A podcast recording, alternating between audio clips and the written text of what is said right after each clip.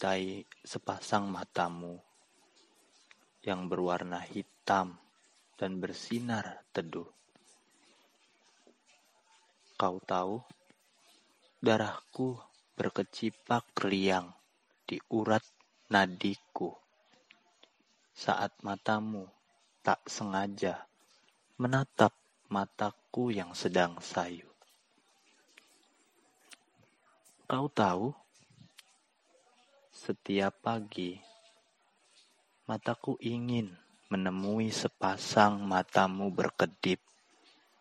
Mataku ingin bermain-main di sepasang matamu, menaruh puisi di sana.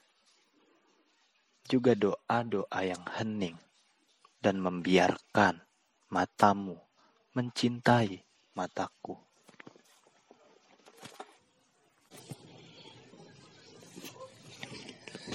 Assalamualaikum warahmatullahi wabarakatuh. Selamat sore pendengar setia Beranda Podcast.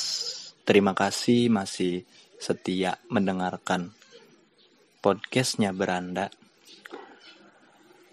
Selamat menunggu berbuka puasa juga ya, yang tinggal beberapa jam lagi. Yang sabar. Kita udah ngelewatin 10 hari puasa dengan kondisi yang lagi pandemi ya. Jadi kita nggak bisa buat ngelaksanain puasa seperti tahun-tahun sebelumnya. Kita nggak bisa ngadain bukber temen sekolah, bukber mantan mungkin, bukber bareng geng dan ya kita nggak bisa kumpul-kumpul lagi di bulan puasa ini. Bahkan di beberapa tempat aku lihat dan aku baca di berita ada yang udah nggak ngelaksanain sholat tarawih berjamaah di masjid dan katanya nggak boleh sholat id juga nanti hari raya. Dan yang paling aku sedih sih nggak bisa mudik ya mungkin bagi perantau. Tapi semoga ini jadi hikmah dan menjadi sumber pahala juga berkah buat kita. Semoga kita bisa melewatinya. Dan sebisa mungkin kita saling dorong, saling membantu, saling menjaga dan saling mencintai sih tentunya. Ya. Nah, di beranda kita sambil nemenin kalian nunggu buka puasa kita ada sesi ngomong sendirian ya. Jadi sesi ngomong sendirian ini bakal tayang setiap hari Senin. Minggu ini kita bakal ngomongin tentang puisi. Gimana pengalaman aku nulis puisi dan ngerangkai diksi. Diksi menjadi sebuah puisi. Check it out. Tadi aku ngebacain puisi yang punya aku sendiri karangan aku di awal judulnya uh, sepasang matamu. Gimana bagus kan? Bagus nggak? Nggak ya? Oh ya nggak apa-apa. Jadi puisi itu aku buat dengan penuh penghayatan, nggak bercanda. Jadi banyak yang nanya sih. Nggak banyak sih beberapa temen aku nanya ke aku gimana sih caranya nulis puisi itu? Terus ada yang bilang juga kalau nulis puisi itu susah dan uh, nguras banget pikiran katanya. Bener sih aku sepakat. Tapi aku lebih lebih enak nyebut nulis puisi itu bukan susah sih tapi rumit ya. Karena puisi itu menurut aku sebenarnya uh, sebuah medium untuk tempat aku mengekspresikan apa yang aku rasain gitu. Jadi aku pernah uh, ikut pelatihan ya, eh bukan pelatihan tapi semacam diklat gitu, diklat uh, komunitas budaya.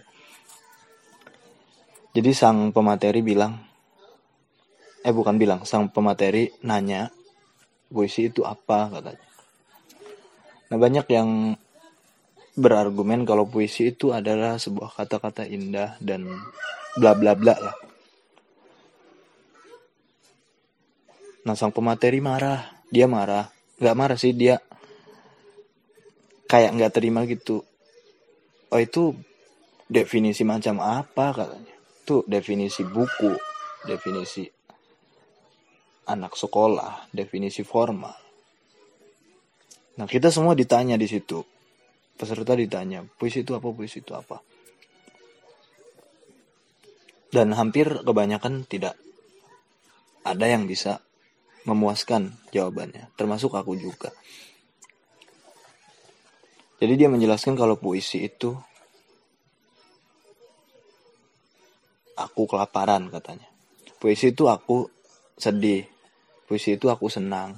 Puisi itu aku jatuh cinta. Puisi itu aku melihat sebuah pemandangan indah. Puisi itu kejahatan. Puisi itu dan segala. Jadi dia menjelaskan kalau puisi itu sebuah realitas yang kita setiap hari rasakan, yang kita setiap hari nikmati, yang kita setiap hari lihat, yang kita setiap hari sentuh, yang kita setiap hari dengar, yang kita setiap hari. Pokoknya realitas-realitas atau kenyataan-kenyataan yang setiap hari kita alami, itulah puisi. Jadi hidup kita itu katanya dari pagi sampai pagi lagi hembusan napas kita itu adalah ritme dan intonasi puisi. Cuma bedanya kita nulisin ritme kita ini ke dalam sebuah teks atau ya kita biarin aja dia mengalir. Beberapa orang memilih dia menuliskan apa yang dirasakan ke dalam sebuah tulisan yang bernama puisi ini. Jadi ada yang ketika dia mengalami sedih misalnya, dia menuliskan dengan bait dengan diksi dan rima dan nada yang yang akhirnya menjadi puisi yang utuh dan beberapa orang lain beberapa orang lainnya memilih untuk ya menganggap nggak menganggap sih kadang-kadang kita juga nggak sadar kalau ternyata setiap hal di dalam hidup kita itu adalah uh, puisi yang artinya dia punya makna loh dia punya makna dia punya rasa dia punya hal yang perlu banget buat di uh, refleksikan gitu. Jadi puisi itu secara garis besar sebenarnya refleksi dari hasil yang kita rasakan, yang kita alami, yang kita nikmati setiap hari dari kita hidup sampai nanti kita mati. Gitu. Terus gimana sih nulis puisi yang bagus? Itu ada pertanyaan dari beberapa orang. Padahal aku juga bingung sih nulis puisi yang bagus itu gimana. Kalau dulu mungkin beberapa eh, dekade yang lalu kayak zamannya Khairil Anwar mungkin dia itu mas masih berbentuk puisi yang puisi-puisi yang uh, kuno bukan kuno sih jadi puisi-puisi lama kayak pantun. Pantun itu kan juga puisi terus gurindam dan segala macem. Jadi dia harus baku banget penulisannya dan dia kalau misalkan uh, A misalkan belakangnya A rimanya harus A semua atau A B A B atau dua pantun 12 baris atau pokoknya banyak banget aturan di puisi lama itu. Tapi kamu nggak perlu khawatir sih. Karena di zaman modern ini kita bebas banget buat nulis puisi tanpa aturan baku itu. Jadi kalau kita perhatiin kita lihat banyak banget puisi-puisi yang berseliweran yang dia tuh kadang pendek cuma dua baris. Ada juga yang panjang banget. Terus ada juga puisi-puisi yang bebas banget bahasanya. Jadi ya masing-masing orang punya ruang ekspresinya, punya gayanya, punya tekniknya. Tergantung kiblat dia ke mana aliran puisinya gitu.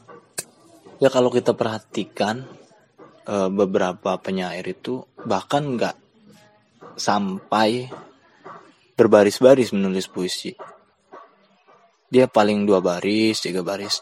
Terus ada juga jenis puisi sekarang ini puisi beling ya. Puisi beling itu puisi yang ngawur sih. Jadi orang-orang itu memaknai puisi beling itu puisi yang ngawur gitu. Jadi kayak puisi temen aku ya. Eh bukan temen sih, guru-guru aku di sastra. Dia puisinya di kumpulan puisi di buku dandan kawinnya. Jadi dia bilang, jadi judulnya itu puisinya mencari Tuhan, itu judulnya dan isinya dia cuma kau di mana. Serius, isinya cuma kau di mana. Judulnya mencari Tuhan. Itu kan apa ya? Nyebelin banget itu. Satu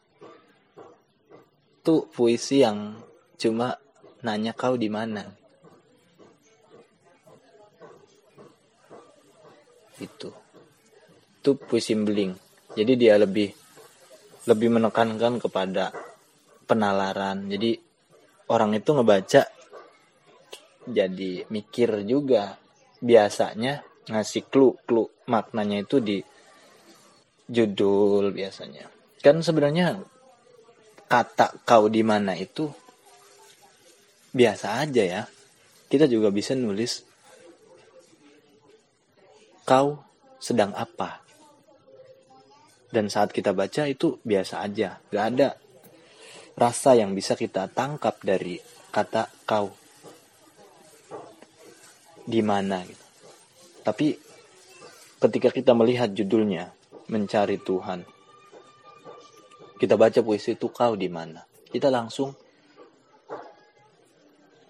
uh, pikiran kita langsung mengawang-awang. Oh, jadi ke mana gitu Tuhan itu di mana? Gitu. Kayak gitu, mengarah ke sana. Gitu. Jadi puisi beling itu kayak gitu. Pokoknya kalau kamu baca buku dan dan Kawin punya Pancep Abdullah itu, itu nyebelin banget sih kata-katanya. Dia nggak panjang, nggak nggak nggak mendayu-dayu, cuma penekanan-penekanan. Terus kalau di Banten itu ada penulis puisi yang puitis yang uh, itu favorit aku banget, puitis banget. Jadi puisi-puisinya itu lembut dan meliuk-liuk. Bahkan aku lebih banyak puisi-puisinya itu berkiblat ke dia sih. Itu uh, penyair Pak Sulaiman Jaya. Itu puisi-puisinya bagus-bagus di buku kumpulan puisi Mazmur musim seminya. Itu bagus banget. Nah sekarang gimana sih gitu ya kita bikin puisi aku bakal sedikit ngasih nggak sih nggak ngasih tapi ayo kita belajar bareng nulis puisi sekarang sambil nunggu bukber siapin buku dan atau note atau kertas sama pulpennya jadi sambil nunggu bukber kita bikin puisi oke okay? Kalau teman-teman udah siapin semuanya sambil ngedengerin ini. Pertama, oh ya, sebelumnya aku sampein dulu. Jadi banyak cara sebenarnya buat nulis puisi. Semua orang itu punya caranya masing-masing, beda-beda. Tapi ini e, cara aku bikin puisi. Setiap aku bikin puisi itu aku pakai cara ini. Semoga cara ini bisa dipakai buat kamu gitu, di rumah. Pertama, untuk kita bisa menulis puisi, ini kita belum masuk ke teknis ya. Pertama, kita untuk bisa nulis puisi itu kita harus banyak banget baca buku puisi.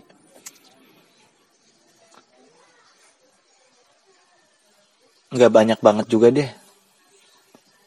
minimal kita udah tahu puisi. Itu pertama kita udah tahu puisi itu kayak gimana gitu. Puisi itu jenisnya seperti apa tulisannya kayak gimana. Kemudian kita apalagi kita sering misalkan membaca puisi. Membaca buku-buku puisi karya Joko Pinurbo karya Eyang Sapardi karya Sulaiman Jaya karya Remi Silado setiap hari ngebaca puisi-puisi itu. Jadi harus banyak baca dulu, baca puisi. Karena untuk kita bikin nasi goreng, kita harus tahu dulu rasa-rasa nasi goreng dan jenis-jenis nasi goreng apa aja yang ada. Baru kita bisa bikin nasi goreng. Sama halnya dengan kita bikin puisi, kita harus tahu dulu dan harus udah ngerti dulu soal puisi. Nah yang kedua, kalau udah memenuhi syaratnya, misalkan, oh aku udah baca banyak banget buku puisi, misalkan, tapi masih sulit, masih sulit banget buat nulis puisi. Kayaknya aku rasa nggak mungkin sih. Orang yang udah banyak banget baca buku puisi, dia bakal impuls uh, dan apa ya? Dia udah punya gaya sendiri gitu buat buat nulis puisi.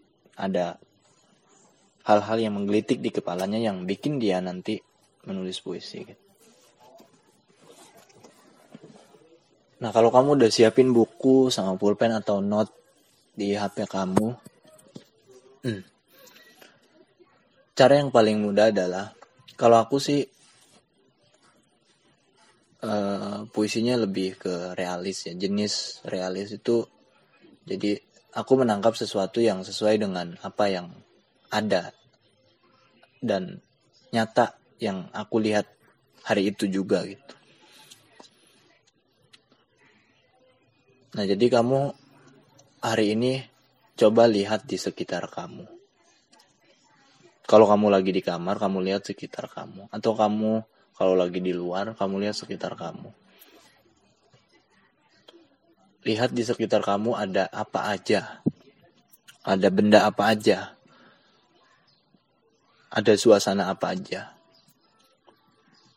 Karena membaca itu bukan cuma buku ya, membaca sekitar, membaca lingkungan, membaca sosial. Kamu perhatiin di sekitar kamu. Itu bisa jadi buat bahan-bahan diksi puisi kamu. Tinggal ditambahin nanti.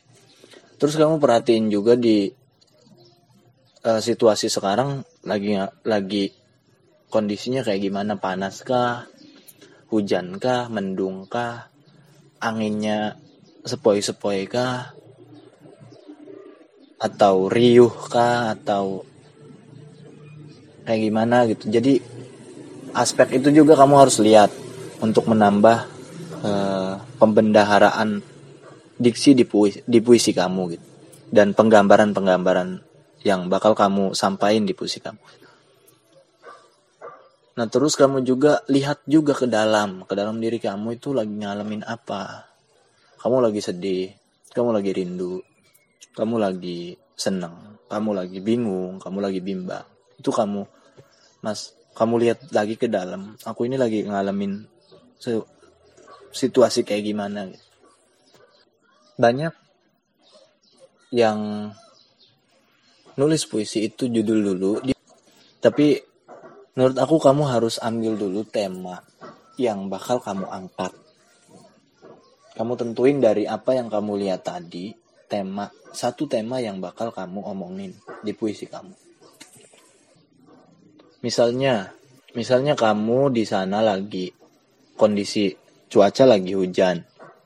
Perasaan di hati kamu lagi rindu seseorang. Entah rindu terhadap ibu, entah ter, rindu terhadap sahabat, entah rindu terhadap kekasih, entah rindu terhadap uh, zat yang maha tinggi. Pokoknya kamu sedang mengalami rindu yang dalam sekali. Dan kebetulan posisi suasana sedang hujan. Berarti kamu akan mengangkat tema tentang kerinduan. Kerinduan.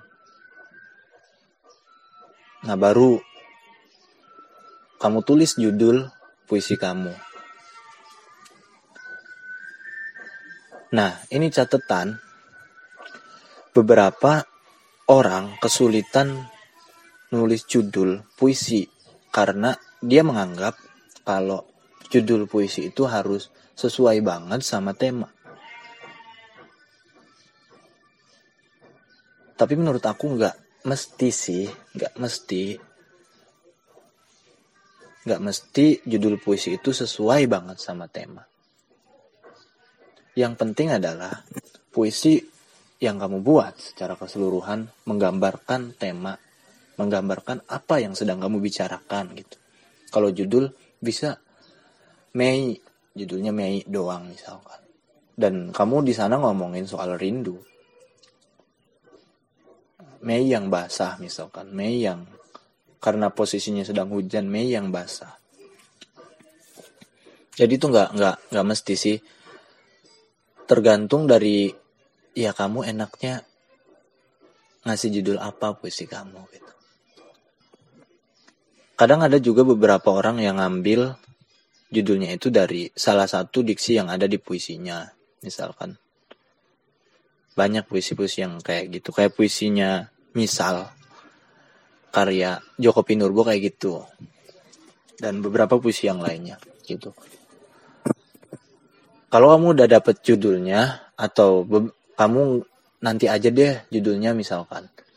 Aku nulis judulnya setelah puisinya selesai. Ada juga yang kayak gitu ya. Ya udah nggak apa-apa. Sekarang kita mulai menulis puisinya. Kamu bisa memulainya dengan panca indera kamu. Kamu bisa memulainya dengan apa yang kamu lihat atau apa yang kamu dengarkan, apa yang kamu rasakan,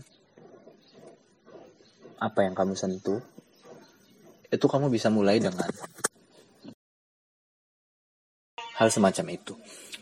Atau kamu juga bisa memulai dengan nama diri ya. Kamu bisa memulai dengan nama diri. Misalnya dengan hujan. Itu nama diri ya, hujan. Atau kau Atau kita mulai dengan panca indera tadi. Aku mendengar rintik hujan dari dalam kamarku. Itu menggambarkan panca indera kan, panca indera kita. Atau aku melihat atap langit-langit rumahku berbunyi misalkan. Kalau kita lagi di dalam kamar kalau kita lagi di luar di teras misalkan. Aku melihat hujan itu jatuh ke bumi. Gitu. jadi kita bisa mulai dari penggambaran-penggambaran panca indera kita atau kita bisa mulai dari nama diri atau kita bisa nunjuk kau. Tuh. Misalkan aku mencintai engkau seperti hujan yang turun hari ini. Hujan yang turun ini seperti membawa sebuah kenangan tentang kau dan aku. Andaikan kau tahu, aku merindukanmu. Seperti hujan yang hari ini turun. Misalkan kayak gitu ya. Jadi sebenarnya gampang gitu nulis puisi penggambaran-penggambaran kayak gitu. Kita mulai dari hal semacam itu dulu untuk menulis puisi. Kita jangan jangan lari dulu dari realitas hidup kita. Kalau kita masih e, baru banget nulis-nulis puisi. Baru nanti ketika kita udah cukup mahir, ya kita loncat lagi, kita lihat ke luar. Kita mau mau kritik sosial misalnya. Kita lihat keluar kita nggak ada di sana tapi kita bisa menggambarkan situasi di sana. Situasi yang mencekam misalnya situasi yang segala macam dan gampang nulis puisi itu kayak gitu. Jadi kamu gambarkan dulu apa yang kamu rasain dan apa yang terjadi di sekeliling kamu hari ini kalau aku sekarang lagi adem posisinya panas enggak mendung juga enggak. Jadi adem ayam gitu tuh. Dan lagi posisinya di kamar. Tapi aku biasanya nulis puisi itu seneng banget sama yang naratif ya. Jadi menjelaskan uh, bahkan ada bahkan aku sering naratif deskriptif sih jadi penjelasan tempat aku melihat sebuah pintu itu berwarna hijau berdiri dengan gagangnya yang sudah lusuh termakan waktu misalnya. Aku melihat saklar itu berdiam diri. Aku melihat lampu. Aku melihat lemari. Aku melihat atap-atap. Aku melihat langit-langit.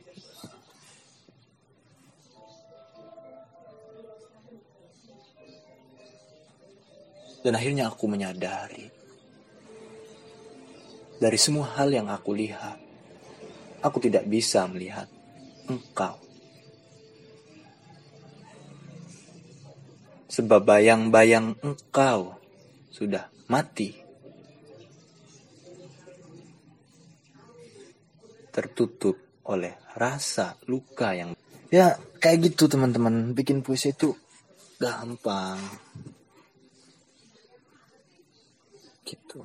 Jadi selamat mencoba di rumah. Diulang-ulang dilatih terus. Soalnya puisi itu ya sebenarnya latihan sih. Kita latihan kita baca buku puisi terus kita latihan. Kita baca buku puisi kita latihan.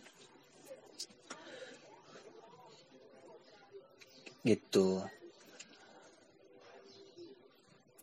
Dan ada juga yang nanya sih ke aku ya. Buat apa sih nulis puisi itu aku bingung jawabnya kalau ditanya gitu buat apa? Ya nggak buat apa-apa. Ya buat kalau aku lebih uh, buat hidup sih buat menyenangkan diri sendiri. Menyenang, menyenangkan diri sendiri itu penting buat aku. Dan dengan puisi aku bisa seneng gitu. Aku ekspresiku itu ter curahkan. Ada medium puisi yang bisa menampung segala kesedihan dan kesenangan aku di sana. Karena yang penting kan kita nggak membenci ya, kita nggak membenci orang. Dan sebisa mungkin jangan sampai puisi-puisi kita itu kita tulis untuk menyerang orang lain, mendiskreditkan orang lain, mencemooh, dan ya puisi-puisi yang nggak nggak bermanfaat. Beda dengan puisi yang bermuatan filsafat misalkan. Kamu banyak di situ uh, logika-logika yang yang hanya orang tertentu yang bisa membaca puisi itu gitu. yang penting niat sih niat dalam kamu membuat puisi itu jangan sampai ada kebencian di sana Walaupun puisi kamu kritik sosial yang menghujat habis-habisan, apa yang kamu lihat, jangan sampai di dalam hatimu juga memupuk benci itu. Gitu. Berniatlah mengkritik di dalam puisi itu untuk menyampaikan aspirasi kita. Gitu. Jadi gunain puisi itu sebagai medium hidup kita, alat untuk kita bisa mengekspresikan, mengaspirasikan segala hal yang kita alami. Gitu. Soal kita jadi penyair, kita terkenal atau kita jadi yang uh, berhubungan sama puisi ini ya itu hal lain lagi. Jadi kita ngomongin soal gimana sih menulis puisi dan bagaimana puisi itu bisa banget buat hidup kita menyenangkan. Jujur aku sih seneng banget nulis puisi. Dan bagi aku itu nulis puisi itu emang bikin segala ekspresi aku tuh tersampaikan. Kayak gitu. Kalau kamu tahu Al-Quran ya dia itu hampir semua bahasanya menggunakan bahasa yang puitik coba kamu baca segala puji bagimu ya Allah Tuhan semesta alam yang maha pengasih maha penyayang demi masa misalkan, demi langit dan bumi. Jadi puitis.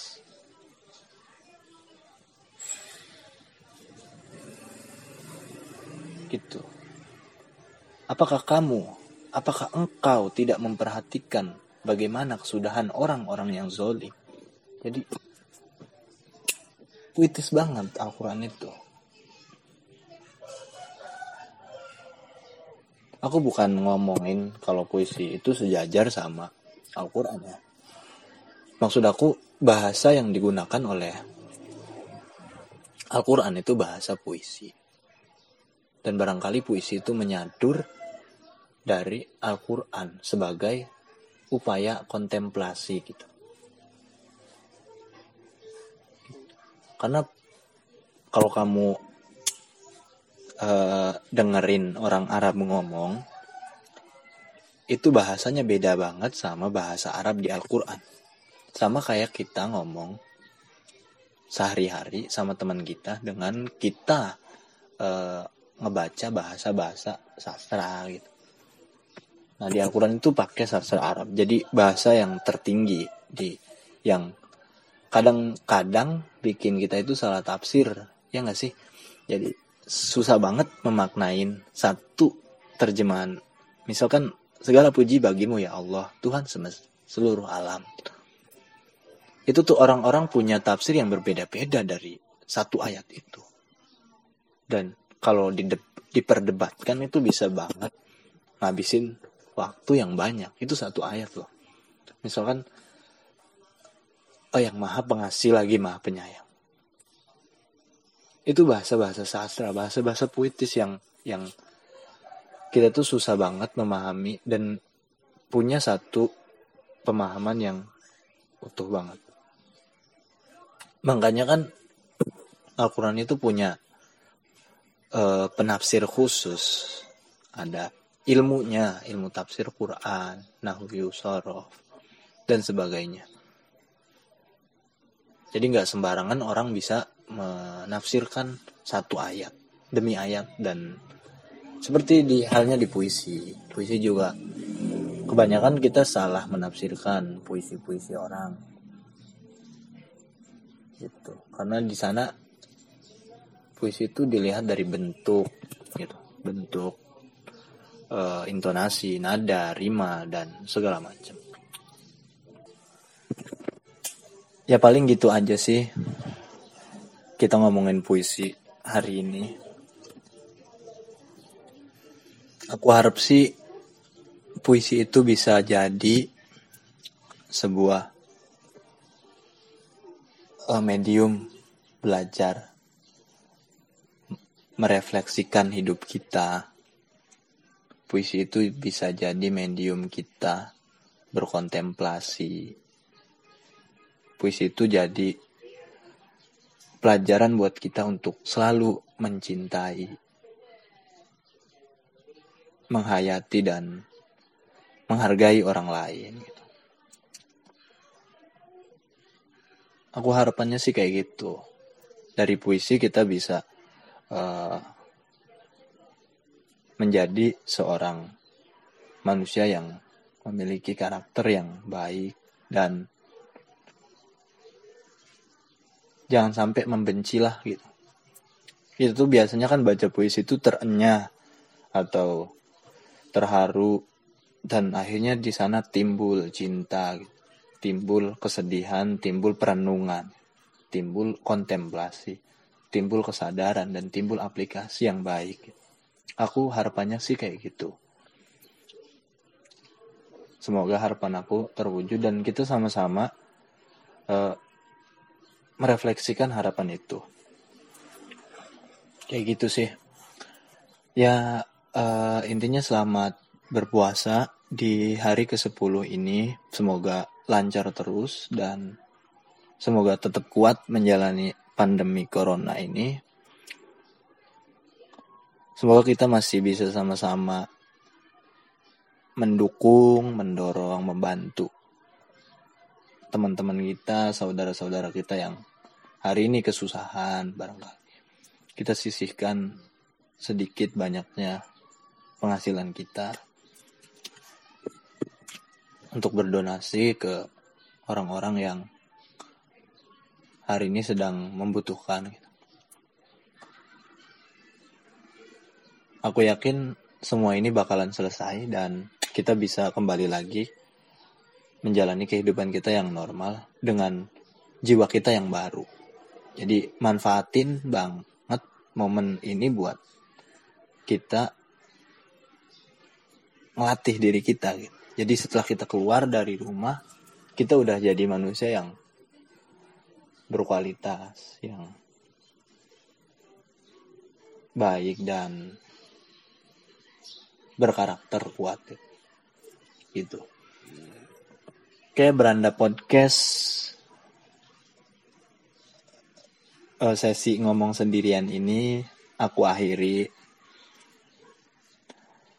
Dengerin terus podcastnya beranda yang tayang setiap hari Minggu. Minggu depan kita bakal masuk sesi kedua. kita bakal ngobrolin banyak hal yang menarik jadi setiap sesinya itu ada empat tema.